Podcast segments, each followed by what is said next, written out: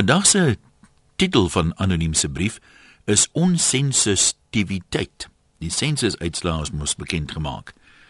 Anoniem skryf: Die sensussyfers wat pas bekend gemaak is, is natuurlik nie korrek nie, want die amptenare het ons hele anoniem huishouding nooit kom tel nie.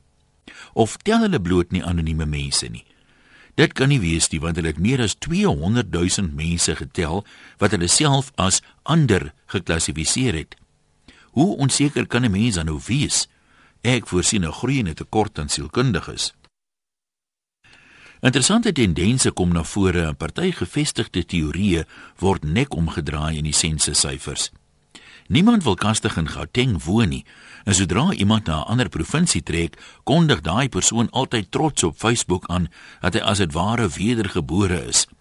Tog is net 56% van Gauteng se inwoners hier gebore die res het hierheen getrek. En tensy baie mense dus masochiste is wat graag na swakker plekke toe trek as waar hulle gewoon het, beteken dit Gauteng is die provinsie waar die meeste mense kies om te kom woon. 94% van die Oos-Kaapse inwoners is daar gebore.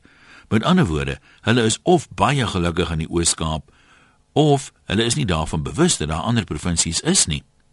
Of dalk wou niemand hulle ooit 'n lift gee op pad uit die Oos-Kaap uit nie. Mense het op loslip gesê dat die wit bevolking se getalle aan die afneem is omdat so baie van hulle geëmigreer het. Die wat agterbly het nie kinders nie of dalk net een glipsie omdat 'n mens mos nie meer kinders kan grootmaak in hierdie land nie. Tog het die witte sedert die vorige sensus met 300 000 gegroei. Dit moet dus as 'n wonderwerk beskou word. 'n Ewe groot wonderwerk is die getalle van Afrikaanssprekendes. Ouer mense kla daagliks oor vandag se jong mense wat dan nou nie meer Afrikaans wil praat nie, en party wat selfs Engels as huistaal aanneem. Maar naas Zulu en Xhosa is Afrikaans die derde grootste taal. 13.5% van die bevolking praat Afrikaans teenoor 13.3% in die vorige sensus. As Afrikaans nou aan die uitsterf is, dan gebeur dit ten spyte daarvan dat meer mense die taal praat. Die sprekers van ten minste 8 ander inheemse tale het dan sekerlik rede om meer pessimisties oor hulle taal se toekoms te wees as Afrikaanssprekendes. Maar is hulle?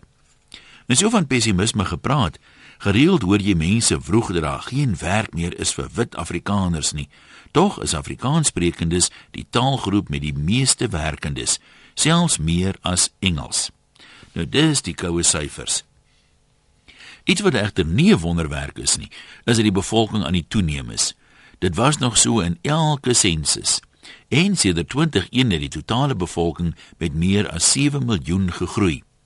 Op skool het hulle my geleer 'n sensus is nodig sodat die regering langtermynbeplanning kan doen oor hoeveel kos, elektrisiteit, paaie en water in die toekoms nodig gaan wees.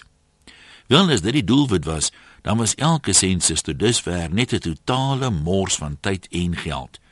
Blykbaar het niemand voorsien dat meer mense meer gaan eet nie, meer krag gaan gebruik nie, meer water gaan nodig hê nie en meer motors gaan koop wat baie gaan nodig hê nie.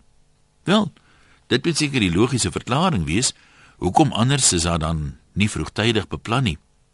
Hoe onsensitief kan 'n regering dan nou wees? Groete van oor tot oor. Anoniem.